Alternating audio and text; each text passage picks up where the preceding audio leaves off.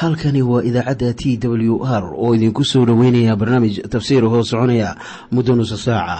Waxaana barnaamijkan codka waayaha cusub ee waxbaridda ah idiin soo diyaariya masiixiin soomaaliya.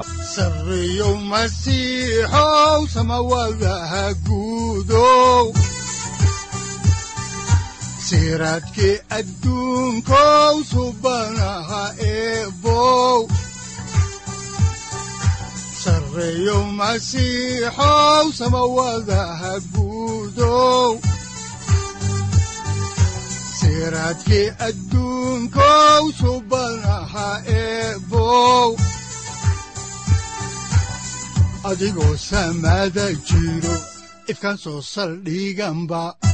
adigoo saldhiganba kutubtiisanaye udanogu saaciiday sharxin sifahaaga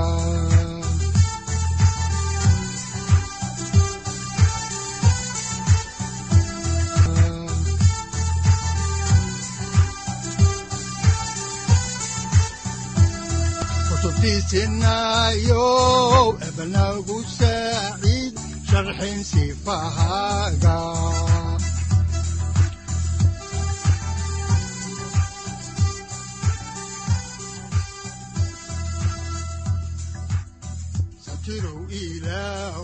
ku soo dhowaada dhegaystayaal barnaamijkeenna dhammaantiinba. Waxaannu horay u sii ambaqaadi doonnaa daraasaadkii aynu ka soo xiganaynay kitaabka bilowgii ee loogu magac daray baibalka dhammaantii waxaannu idiin bilownay cutubka laba iyo labaatanaad. Haddaba mawduucyada cutubkan laba iyo labaatanaadi uu ka kooban yahay waxa ay kala yihiin kow. Ilaah oo ku amray ibraahim inuu wiilkiisa sadaqeeyo. Labo ibraahim oo addeecay amarkii ilaah. Saddex ilaah oo ka hor istaagay ibraahim inuu isxaaq qurbaan ahaan u bixiyo. Afar ilaah oo ibraahim u sii adkeeyey ballamadiisii. Iyo midda u dambaysa oo ah shan ibraahim oo ku soo noqday bi'irshabec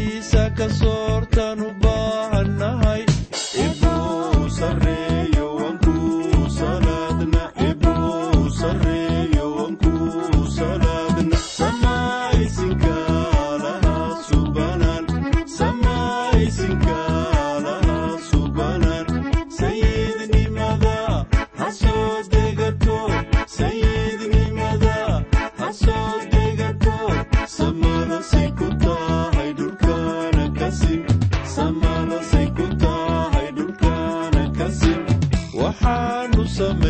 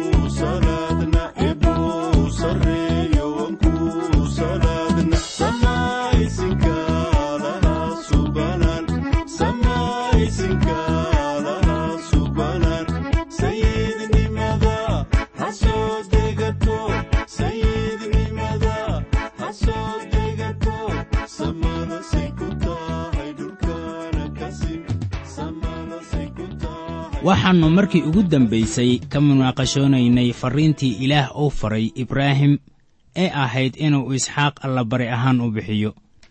Waxaanay inala noqotay inayan ahayn wax wanaagsan in bini'aadan qurbaan ahaan loo bixiyo. Waxaanan aragnay ibraahim oo goostay inuu wiilkiisa allabari ahaan u bixiyo oo uu mididiina la soo baxay si uu u gowraco wiilka. Iminkana aynu eegno ilaah oo ka istaajiyey ibraahim inuu isxaaq qurbaan ahaan u bixiyo. Rasuul yacquub ayaa qoray in ibraahim lagu caddeeyey shuqullo markii uu wiilkiisii u keenay inuu qurbaan ahaan u bixiyo. Laakiin bal wax yar sug. Miyuu nebi ibraahim wiilkiisii bixiyey? Miyuu baibalkaagu leeyahay ibraahim wiilkiisii buu mididii ku gowracay?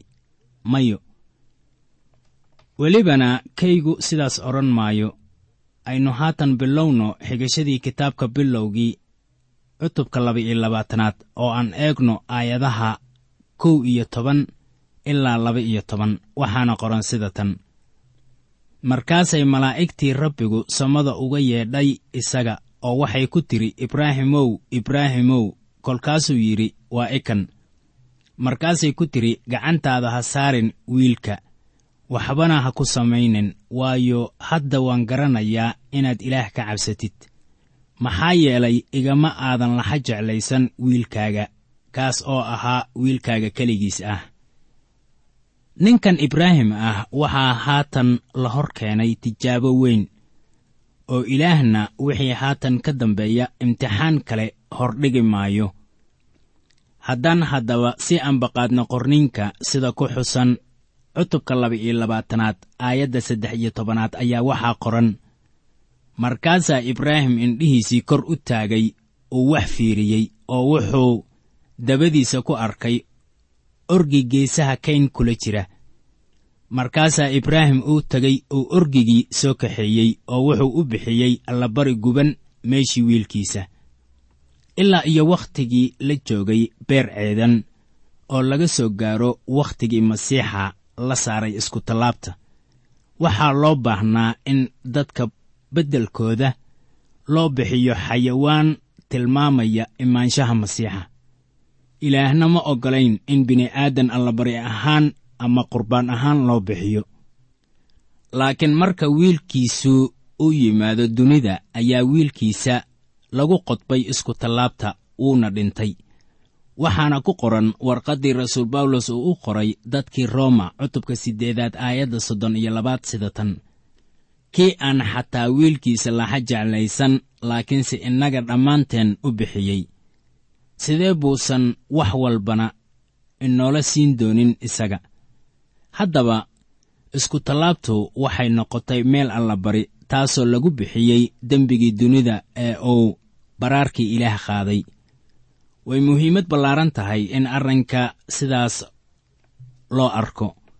Haddaan sii ambaqaadno cutubka laba-iyo labaatanaad ee kitaabka bilowgii oo aan eegno isla cutubka laba-iyo labaatanaad aayadda afar iyo tobanaad waxaa qoran sida tan. Ibraahimna meeshaas wuxuu u bixiyey yahweh yireh xataa ilaa maanta waxaa la yidhaahdaa buurta rabbiga ayaa lagu arki doonaa haatan ibraahim wuxuu meeshan u bixiyey magac halkaasoo dad badani rumaysan yihiin inay tahay halkii laga dhisay macbudkii salaymaan golgota oo ah meeshii lafaha ayaa waxay tahay burcada ama taagga halkaasoo macbudka uu ka dhisan yahay. Halkaasuu ibraahim keenay inuu wiilkiisii isxaaq ku bixiyo waana halkaas meeshii lagu qodbay sayid ciise masiix taasuna waa guul wanaagsan in la arko. Ibraahimna meeshan magaceedii wuxuu u bixiyey yehowa yireh oo macnaheedu uu yahay ilaah baa deeqda bixiya. Halkan waa meeshii ilaah uu soo dhex galay arrinta ibraahim aawgii. Iminkana aynu eegno ilaah oo ballankiisii u sii xaqiijiyey ibraahim aynu dib ugu noqonno kitaabka bilowgii cutubka laba-iyo labaatanaad aayadaha shan iyo toban ilaa lix iyo toban. Waxaana qoran sida tan. Kolkaasaa mar labaad malaa'igtii rabbiga ibraahim samada uga yeedhay oo waxay ku tidhi rabbigu wuxuu yidhi waxaan aad samaysay aawadood iyo wiilkaaga aadan iga laxa jeclaysan kaas oo ah wiilkaaga keligiis ah aawadiis ayaan nafsaddayda ku dhaartay. Haatan bal wax yar sug. Waxaan qabaa su'aal. Ibraahim sidaas miyuu sameeyey? Maya oo ibraahim wiilkiisii ma uu qalin laakiin ilaah wuxuu ku yidhi waxaan aad samaysay aawadood. Soo arki maysid in ibraahim ilaah uu rumaysnaa oo wuxuu aaday meel dheer. Si aniga iyo adiga aynu u garanno waayo ilaah horuu u ogaa oo uunkii la abuurayna u gartaan inuu doonayay inuu wiilkiisa ilaah qurbaan ugu bixiyo. Markaana ilaah wuxuu taas ugu tiriyey sida wax uu sameeyey. Ilaah wuxuu badbaadiyey wiilkii ibraahim laakiin ilaah ma uusan badbaadin wiilkiisa masiixa ah.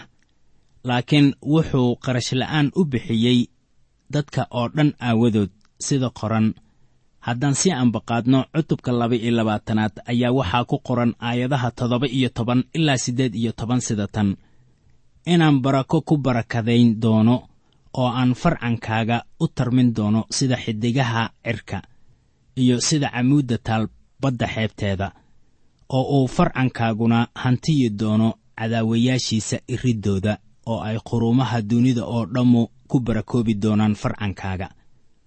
Maxaa yeelay codkaygaad addeecday waxaa qoran oo ay quruumaha dunida oo dhammu ku barakoobi doonaan farcankaaga. Farcan ceenkee ah buu ilaah ka hadlayaa. Haddii aad eegto warqaddii rasuul bawlos uu u qoray dadkii galatiya cutubka saddexaad aayadda lix iyo tobanaad waxaad arkaysaa in bawlos uu tarjumay waxa faracaasu uu ka micno yahay. Markaasoo uu lahaa ballamada waxaa loo qaaday ibraahim iyo kii ka soo farcamay. Lama odhan kuwa ka soo farcamay sida kuwa badan laakiin sidii mid keliya oo ah kan ka soo farcamay kaas oo ah masiixa. Waxaynu haatan haysannaa tarjumada baibalka uu ka leeyahay farcankaas. Haddaan dib ugu noqonno aayadda siddeedaad ee isla cutubkan warqadda galatiya ayaa waxaa qoran qorniinka oo hore u arkay in ilaah quruumaha xaq uu kaga dhigi doono rumaysad ayaa injiilka hore ugu sii sheegay ibraahim isagoo leh quruumaha oo dhammi adigay kugu barakoobi doonaan. Goormuu ilaah ku wacdiyey ibraahim injiilka. Ilaah wuxuu ibraahim ku wacdiyey injiilka markii uu ugu yeedhay inuu wiilkiisa halka allabariga ama qurbaanka ku bixiyo ilaah wuxuu ku yidhi haatan oo ay qurumaha dunida oo dhammu ku barakoobi doonaan farcankaaga. Midhtaas ama farcankaas waa masiixa. Kanina waa injiilka sidii loo siiyey ibraahim haddaad qanacday. Iminkase aynu eegno maaddada ah ibraahim oo ku soo noqday bi'irshabec. Haddii aynu ku soo noqonno kitaabka bilowgii waxaan arkaynaa cutubka laba iyo labaatanaad aayadaha sagaal iyo toban ilaa labaatan inay leeyihiin haddaba ibraahim wuxuu ku noqday raggiisii dhallinyarada ahaa markaasay kaceen oo waxay wada tageen bi'irshabec ibraahimna wuxuu iska degay bi'irshabec oo waxaa dhacay waxyaalahaas dabadood in ibraahim loo sheegay oo lagu yidhi bal eeg milkaah carruur bay u dhashay walaalka naaxoor waxaannu haatan soo gaarnay cutubka saddex iyo labaatanaad. Mawduucyada cutubkani uu ka kooban yahay waxa ay kala yihiin kow dhimashadii saara. Labo ibraahim oo dhul ka iibsaday makfelah saddex aaskii sahra balse ku soo dhowaada qadar yar oo myuusig ah. Cutubkan saddex iyo labaatanaad waxaannu ku arkaynaa dhimashadii zaara iyo ibraahim oo dhul xaaskiisa uu ku aasto u iibsanaya.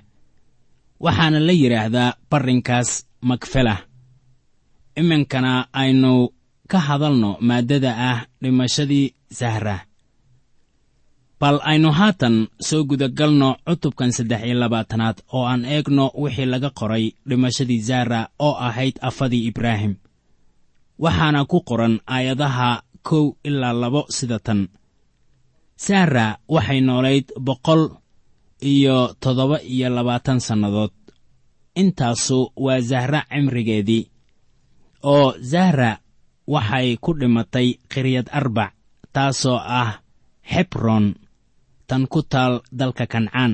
Ibraahimna wuxuu u yimid inuu u baroorto oo uu u ooyo zahra waxaad haddaba eegtaa sannada zahra ay haatan jirto inay tahay boqol toddoba iyo labaatan sannadood. Waxay jirtay sagaashan sannadood markii isxaaq uu dhashay taasoo macnaheedu uu yahay in wakhtigii dhimashadeeda ay ahayd dhowr sannadood kadib markii isxaaq qurbaan ahaanta loo bixin rabay. Haatanse isxaaq wuxuu jiraa soddon iyo toddoba sannadood. Waxaa laynoo sheegay in zahra ku dhimatay khiryad arbac oo ah xebroon ibraahimna waxay ahayd in uu iibiyo meel uu dadkiisa ka dhinta ku aaso. Dhulkan ilaah siiyey isaga. Muxuu zahra u geen waayey meel kale oo ka baxsan dhulkan oo uu ku aaso? Haddaba sababtu waxa weeye in rajadu ay mustaqbalka leeyihiin oo uu ku jiro dhulkan markaan horay ugu sii soconno cutubkan waxaynu arkaynaa in kastoo qisadanu ay ku saabsan tahay aaskii zahra oo aan ahayn wax xiise leh amase la jeclaysan karo oo qaarna ay u keeni karto calolxumo iyo uurkutaallo ayay haddana muhiim tahay in la arko runtan weyn ee halkan laynoogu soo qoray. Ibraahim wuxuu dhul ka iibsaday makfelah haddaan dib ugu noqonno kitaabka bilowgii oo aan eegno waxaa ku qoran cutubka saddex iyo labaatanaad aayadaha saddex ilaa afar. Waxaa qoran sida tan. Markaasaa ibraahim meydkii naagtiisa ka kacay oo wuxuu la hadlay reer xeed isagoo ku leh waxaan ahay shisheeye socdaal ah oo idin dhex jooga oo dhexdiinna iga siiya meel xabaaleed oo hanti ah. Si aan meydka naagtayda hortayda ugu aaso. Ibraahim wuxuu isagu yeedhay shisheeye iyo mid socdaal dhulka ku maraya. In kastoo uu joogay dhulkii ilaah uu ugu dhaartay inuu isaga siiyo. Haddaan si ambaqaadno qisada oo aannu eegno aayadaha shan ilaa lix ee isla cutubkan waxaa qoran sida tan. Oo reer xeedna ibraahim bay u jawaabeen iyagoo ku leh balna maqal sayidkaygiyow adigu dhexdayada waxaa ku tahay amiir weyn. Midka ugu wanaagsan qabriyada meydka naagtaada ku aas. Taasuna waa siismo deeqsinnimo oo ay muujiyeen carruurtii xeed oo dhulkan ku noolaa waxay ibraahim ku yidhaahdeen midka ugu wanaagsan qabriyadayada meydka naagtaada ku aaso. Waxay kaloo yidhaahdeen aad baynu ugu faraxsannahay inaad dhexdayada joogto. Ibraahim wejiye cusub buu ka samaystay. Waxay ku yidhaahdeen adigu dhexdayada waxaa ku tahay amiir weyn. Magacii uu lahaa ayaa gacan ka geystay siismadan. Aynu horay u sii dhaqaajinno oo aan eegno cutubka saddex iyo labaatanaad aayadaha toddoba ilaa sagaal oo leh sida tan. Midkayana kaama laxa jeclaysan doono qabrigiisa inaad ku aastid meydka naagtaada. Markaasaa ibraahim sare kacay oo uu u sujuuday dadkii waddanka lahaa oo ahaa reer xeed wuuna la hadlay uu ku yidhi haddaad ogoshihiin inaan meydka naagtayda hortayda ku aaso imaqla oo ii barya cefroon ina sohar inuu i siiyo godka la yidhaahdo makfelah oo uu haysto oo ku yaal barrinkiisa geestiisa.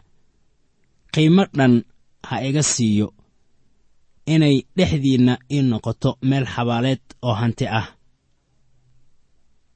Xabaasha makfelah weeye meeshii uu ibraahim doortay laakiin wuxuu doonayey inuu iibsado. Ma uusan doonayn wax bilaash ah. Marka dhinaca kale laga eego ilaa ilaah dhulkaas siiyo waa inuu iibsadaa wixii uu u baahan yahay oo uu doonayo. Haatanna dabcan wuu iibsanayaa ama wuxuu iibsanayaa dhul xabaaleed.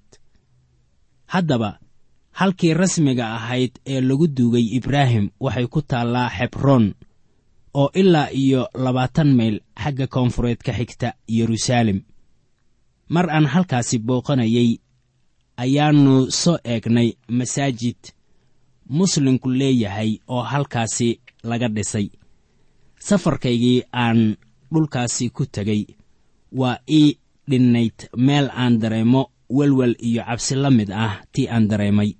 Markaan joogay xebroon waxaa laynooga digay inaynu taxadir dheeraad ah muujinno markaan magaaladan joogno. Waxaa laynoo sheegay inay jiraan mushaakilaad ay la kulmayaan dalxiisayaasha iyo dabcan qof waliba oo aan deegaankaas u dhalan. Bilxaqiiqa way inoo oggolaadeen maamulayaashii masaajidku inaan eegno qabrigii ibraahim. Maxaa wacay waxaynu ka shanqarinnay dollarkayagii markaannu galnay waxaynu duleel yar oo ku yiil sagxadda hoos uga eegnay qabrigii ibraahim iyo zahra isxaaq iyo rebeka yacquub iyo le'ah lagu sheegay inay ku xabaalan yihiin. Raaxeel waxaa lagu aasay beytlaxam haddaba intaa kale waxaa lagu xabaalay dhulka israa'iil iyadoo ay ugu wacneyd rajadii ay ka qabeen inay dhimashada ka soo sara kici doonaan haddii dhulkaas lagu aaso. Taasuna waa rajo adduun. Haddaba rajadeenna aan leennahay kuwa rumaysan axdiga cusub waxa weeye mid samaawi ah waxaan aaminsannahay inay ku caddahay oo aad fahmi karayso. Waxaa aaska halkan ahi muhiim ugu yahay ibraahim. Wakhtigan qaas ahaaneed. Ibraahim haatan wuxuu ku gorgortamayaa beeca. Waxaa haddaba ogaataa sidii beecu uu u dhacay. Aan eegno cutubka saddex iyo labaatanaad aayadaha toban ilaa laba iyo toban waxaana qoran sida tan. Haddaba cefroon wuxuu fadhiyey reer xeed dhexdooda oo cefroon oo ahaa reer xeed ayaa ibraahim u jawaabay iyadoo ay maqlayaan reer xeed intii iriddii magaaladiisa ka gashay oo dhammu oo wuxuu ku yidhi maya sayidkaygiiyow imaqal barrinka waan ku siinayaa. Godka ku dhex yaalna waan ku siinayaa. Waxaan kugu siinayaa ragga reerkayga hortooda oo meydka ku aaso. Ibraahimna wuxuu ku hor sujuuday dadkii waddanka waxaad haddaba xusuusataa sidii deeqsinimada ibraahim iyo dadkii waddankaas ay ahayd iyo ninkan la yidhaahdo cefroon qaas ahaan. Dadkaasu waxay ahaayeen kuwo asluub badan maalmahaas. Innagoo sii wadayna faallada kitaabka ayaannu haatan eegaynaa. Waxaa ku qoran cutubka saddex iyo labaatanaad aayadaha saddex iyo toban ilaa lix iyo toban oo leh markaasuu cefroon la hadlay iyadoo ay dadkii waddanku maqlayaan oo wuxuu ku yidhi waan ku baryayaaye haddaad ogoshahay imaqal waan ku siin qiimaha barrinka hee iga qaado. Anna meydkaygan meeshaas ku aasan. Cefroon ibraahim buu u jawaabay isagoo ku leh sayidkaygiyow bal imaqal. Meel dhul ah oo qiimihiisu yahay afar boqol oo shaqal oo lacag ah waa maxay dhexdeenna? Haddaba meydka aaso ibraahimna cefroon buu maqlay. Markaasaa ibraahim u miisaamay cefroon lacagtii uu u sheegay iyadoo ay reer xeed maqlayaan oo waxay ahayd afar boqol oo shaqal oo lacag ah oo lacagtii baayac mushtarka ku socotay ah. Waxaa taasu ay ka micno tahay in ibraahim uu u bixiyey lacagtii barrinka iyo qubuuraha si waafaqsan sharciga wax kala iibsiga ee wakhtigaas. Innagoo si ambaqaadayna qisada ayaannu haatan eegaynaa cutubka saddex iyo labaatanaad aayadaha toddoba iyo toban ilaa siddeed iyo toban waxaana qoran sida tan. Sidaasaa barrinkii cefroon oo magfalah ku yiil oo mamre ku hor yiil barrinkii iyo godkii ku dhex yiil iyo geedihii ku yiil barrinkii iyo xuduudkii ku wareegsanaa oo dhanba waxaa lagu xaqiijiyey reer xeed intii iriddii magaaladiisa ka gashay oo dhan hortooda in ibraahim hanti ahaan u lahaado. Iminkana aynu ka hadalno maaddada ah aaskii zahra. Haddaan sii wadno xaalka laga qoray aaskii marwadii sharafta lahayd ee ibraahim ee la odhan jiray zahra ayaa waxaa ku qoran cutubka saddex iyo labaatanaad aayadaha sagaal iyo toban ilaa labaatan sida tan.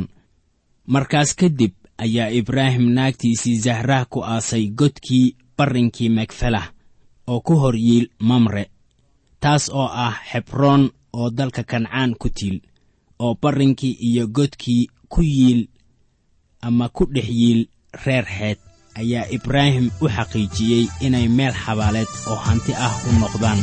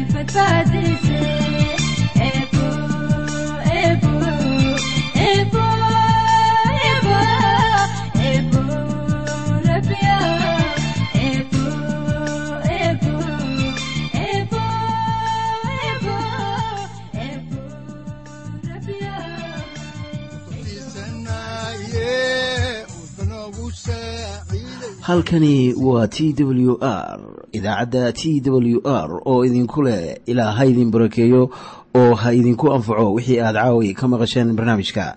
Waxaa barnaamijkan oo kalaa maqli doontaan habeen dambe hadahan oo kale haddiise aad doonaysaan in aad fikirkiina ka dhiibataan wixii aad caawi maqasheen ayaad nagala soo xiriiri kartaan som t w r at t w r c o k e dhegaystayaal haddii aad doonaysaan inaad mar kale dhegaysataan barnaamijka fadlan mar kale booqo www t t b o r g ama www t w r o r g halka sare waxaad ku arkaysaa markii aad gasho language ama luuqadda waxaana dooranaysaa soomaali. Haddii aad doonaysaan in aad dejisataan oo kaydsataan barnaamijka ama aad mar kale dhegaysataan fadlan mar kale booqo www t t b t w r o r g ama www t w r o r g haddii aad doonayso in laga kaalmeeyo dhinacyada fahamka kitaabka amase aad u baahan tahay duco fadlan fariimahaaga soo mari bogga aaraahda ama kommentska inana jawaab degdeg ah ayaanu ku soo diri doonaa amase ku siin doonaaye sareyow masiixow wihiyow saacadda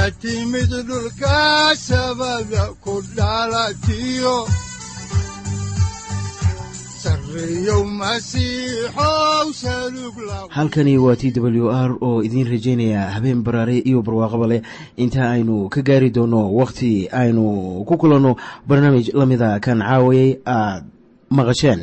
Waxa aan idinku leeyahay nabadda ciise masiix ha idinku badato xagga jidhka iyo ruuxaba. Aamiin